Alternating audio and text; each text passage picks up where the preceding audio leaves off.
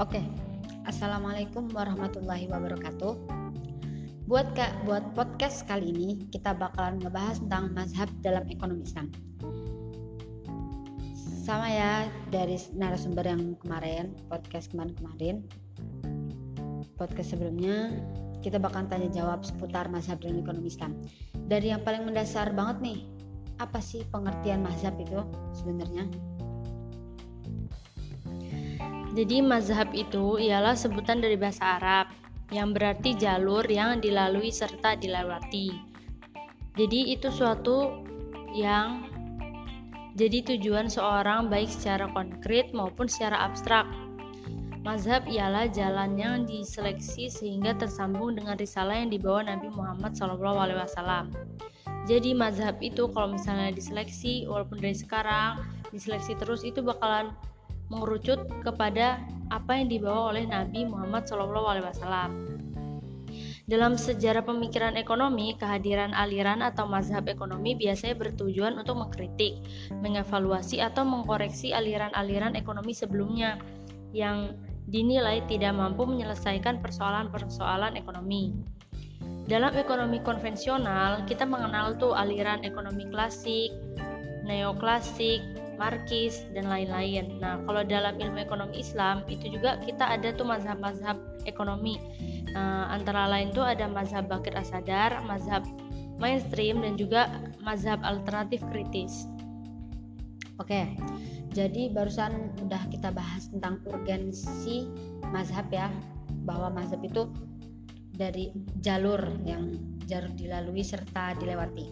Nah, kita Nah sekarang kita bakal bahas kira-kira gimana sih awal mulanya terciptanya mazhab ekonomi Islam tuh?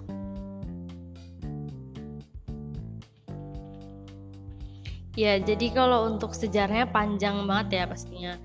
Jadi kalau pada periode Khulafaur Rasyidin itu belum banyak ekonomi yang lahir. Nah, itu disebabkan oleh uh, beberapa alasan. Nah, alasannya itu antara lain yang pertama tuh Al-Qur'an dan hadis menjadi sumber utama dalam menjalankan kehidupan masyarakat. Habis itu juga didominasi kebijakan lebih dipengaruhi sikap pemimpin sebagai presentasi pengganti Rasulullah.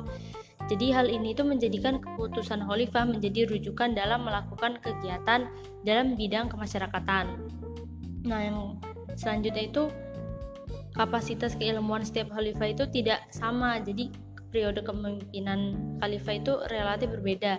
Dan akhir kekuasaannya tiga khalifah itu berakhir pada tragedi politik. Jadi pada masa khalifah itu semuanya itu tuh belum ada tuh yang terlalu dalam bidang ekonomi. Nah dari tiga khalifah itu mereka tuh berakhir pada tragedi yang politik. Sedangkan pada masa dinasti Umayyah itu hmm, ekonomi juga belum terlalu banyak. Nah, sebabnya itu juga yang pertama itu kesibukan pemimpin dalam melakukan perluasan wilayah. Yang itu tuh cukup menyita tenaga dan waktu. Yang kedua tuh sistem pemerintahan yang cenderung Arab sentris atau corak Arab yang sangat dominan dalam sistem birokrasi di masa dinasti Umayyah. Jadi kaum non Arab itu yang terdiri atas keturunan Persia itu tuh Eh, nggak uh, terlalu digubris gitu. Nah, yang ketiga itu secara geografis Damaskus itu ibu kota dinasti Umayyah.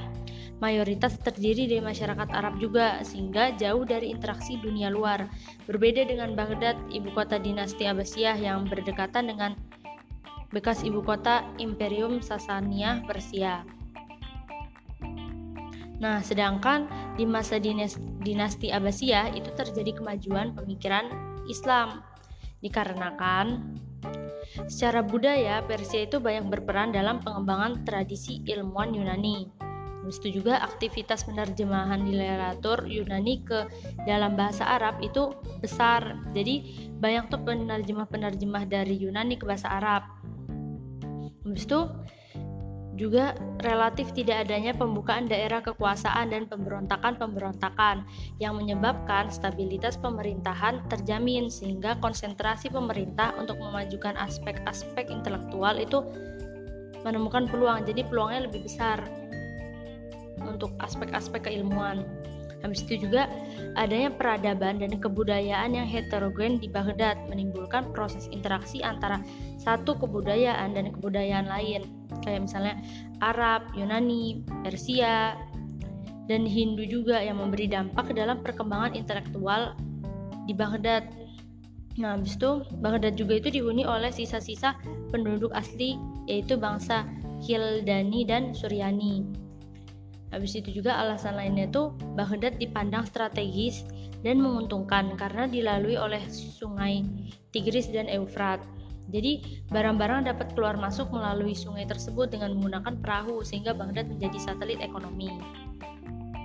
Jadi kalau diruntut lebih jauh, apalagi tadi nyimak yang tadi itu masa kehidupan Nabi Muhammad dari masa kehidupan Nabi Muhammad, Khalifah, uh, Umayyah, Abbasiyah itu uh, bisa jadi bahwa pemikiran ekonomi dari Smith diilma, diilhami oleh pemikiran ekonomi para filosofi-filosofi sebelumnya. Jadi Adam Smith itu kan dinobatkan sebagai bapak ilmu ekonomi modern. Seiring dengan diluncurkannya pemikiran ekonomi dari pemikiran Smith itulah kemudian lahir tradisi pemikiran ilmu ekonomi klasik yang menekankan kebebasan mekanisme pasar dalam mengukur aktivitas ekonomi tanpa diganggu oleh kebijakan pemerintah. Nah, dalam perkembangannya lagi, berikutnya pemikiran ekonomi klasik itu ternyata tidak selalu dapat menyelesaikan semua persoalan ekonomi yang berkembang semakin kompleks. Salah satu buktinya itu timbulnya depresi berat perekonomian dunia menjelang Perang Dunia Kedua. Nah, dari sinilah kemudian mengilhami lahirnya pemikiran ekonomi yang menekankan perlunya peran pemerintah dalam ikut mengatur aktivitas ekonomi. Nah, pemikiran ini dipelopori oleh Johann Maynard Keynes yang dianggap sebagai tokoh ekonomi modern yang mengembangkan pemikiran analisa ekonomi jangka pendek yang untuk mendorong pertumbuhan ekonomi dan mengatasi masalah pengangguran dan inflasi. Ada juga, adapun pemikiran ekonomi Islam sendiri itu baru mulai didokumentasikan kurang lebih sejak tiga abad sejak wafatnya Nabi Muhammad SAW beberapa pemikir yang cukup terkenal itu ada Abu Yusuf, Yahya Ibnu Adam, Ibnu Khaldun, dan lain-lain. Nah, dari situ tuh pemikiran ekonomi Islam kontemporer itu dapat dikategorikan dalam tiga kelompok mazhab pemikiran yaitu yang pertama mazhab Bakir Asadar, yang kedua mazhab mainstream, nah yang ketiga itu mazhab alternatif. Oke, tadi cukup panjang ya sejarah yang bisa kita dengar ternyata sejarahnya lumayan panjang dari dari awal terciptanya mazhabnya uh, juga tadi pemikiran ekonomi Islam kontemporer di, dikategorikan dalam tiga kelompok. Mazhab ada mazhab Bakir Asadar ada mazhab mainstream dan mazhab alternatif. Nah kira-kira pasti kita pengen tahu kan apa perbedaan sih dari tiga mazhab itu? Apa sih kira-kira perbedaan dari tiga mazhab itu? Nah, yang pertama mazhab Bakir Asadar ya. Mazhab ini dipropori oleh Bakir Asadar dengan bukunya yang fenomenal yaitu Itis Hoduna. Nah, kalau mazhab ini, ini berpendapat ilmu ekonomi tidak pernah bisa sejalan dengan Islam.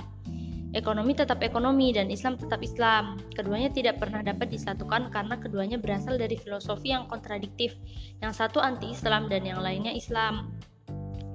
Dan juga menurut mazhab ini nih, perbedaan filosofis ini berdampak pada perbedaan cara pandang keduanya dalam melihat masalah ekonomi. Menurut ilmu ekonomi yang sudah kita kenal, Masalah ekonomi muncul itu karena adanya keinginan manusia yang tidak terbatas, sementara sumber daya yang tersedia untuk memuaskan keinginan manusia itu jumlahnya terbatas. Nah, mazhab Bakir ini menolak pernyataan ini karena menurut mereka tuh Islam tidak mengenal adanya sumber daya yang terbatas. Dalil yang mereka pakai itu ada di Al-Qur'an surat Al-Qamar ayat 49 yang artinya itu sungguh telah kami ciptakan segala sesuatu dalam ukuran yang setepat-tepatnya. Nah, dengan demikian karena segala sesuatu sudah diukur dengan sempurna, sebenarnya Allah telah memberikan sumber daya yang cukup bagi seluruh manusia di dunia. Nah, pendapat keinginan manusia itu tidak terbatas juga itu ditolak. Nah, contohnya itu tuh manusia itu akan berhenti minum jika dahaganya sudah terpuaskan Oleh karena itu, mazhab ini berkesimpulan bahwa keinginan yang tidak terbatas itu tidak benar, sebab adanya kenyataan keinginan manusia yang terbatas. Selain itu, semua teori yang dikembangkan oleh ilmu ekonomi konvensional itu ditolak dan dibuang. Nah, sebagai gantinya, mazhab ini berusaha menyusun teori-teori baru dalam ekonomi yang berlangsung dan digali dari direksi dari Al-Quran dan Sunnah. Nah, meskipun kita belum pernah melihat hasil pengembangan teori ekonomi ini, selain Muhammad Bakir Asadar, tokoh-tokoh mazhab ini adalah Abbas Mirakor, Bakir Al-Hasani, dan lain-lain. Itu kalau mazhab mainstream, nah mazhab ini berbeda pendapat dengan mazhab Bakir. Mazhab kedua ini justru setuju bahwa masalah ekonomi muncul karena sumber daya yang terbatas, yang dihadapkan pada keinginan manusia yang tidak terbatas. Nah, keterbatasan sumber daya memang ada, bahkan diakui pula oleh Islam. Dalil yang dipakai mereka itu tuh ada di surat Al-Baqarah ayat 155 yang artinya dan sungguh akan kami berikan cobaan kepadamu dengan sedikit ketakutan, kelaparan, kekurangan harta, jiwa dan buah-buahan dan berikan berita gembira kepada orang-orang yang sabar. Nah, sedangkan keinginan manusia yang tidak terbatas dianggap sebagai hal alamiah yang dalilnya itu bermegah-megahan telah melalaikan kamu sampai kamu masuk ke dalam kubur. Janganlah begitu, kalau kamu akan mengetahui akibat perbuatanmu itu. Itu ada di surat At-Takasur ayat 1 sampai 3 dan juga itu dalilnya ada sabda Nabi Muhammad SAW bahwa manusia tidak akan pernah puas bila diberikan emas satu lembah ia akan meminta emas dua lembah bila diberikan dua lembah ia akan meminta tiga lembah dan begitu tuh seterusnya sampai ia masuk kubur. Pandangan mazhab ini tentang masalah ekonomi hampir tidak ada bedanya dengan pandangan ekonomi konvensional. Nah, sedangkan sumber dayalah yang menjadi penyebab munculnya masalah ekonomi. Perbedaan mazhab mainstream dengan konvensional terletak pada cara penyelesaian masalah tersebut. Nah, habis itu kalau mazhab alternatif kritis, itu pelopor mazhab ini nih adalah Timur Quran, habis itu juga Jomo, Muhammad Arif dan lain-lain. Mazhab ini nih mengkritik mazhab sebelumnya.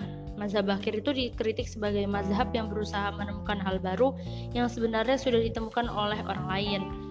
Menghancurkan teori lama kemudian menggantinya dengan teori baru. Sementara itu, mazhab mainstream dikritiknya sebagai jiplakan dari ekonomi neoklasik atau modern yang menghilangkan variabel riba dan memasukkan variabel zakat dan niat. Jadi mazhab ini adalah sebuah mazhab yang kritis. Mereka berpendapat bahwa analisis kritis bukan hanya dilakukan terhadap sosialisme dan kapitalisme, tetapi juga terhadap ekonomi Islam itu sendiri.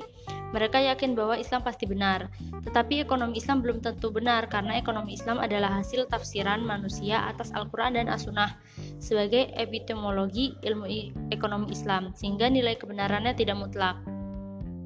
Nah, itu tadi ketiga mazhab ekonomi Islam. Oke, kayaknya segitu aja Mbak pembahasan singkat kita tentang mazhab dalam Islam ya.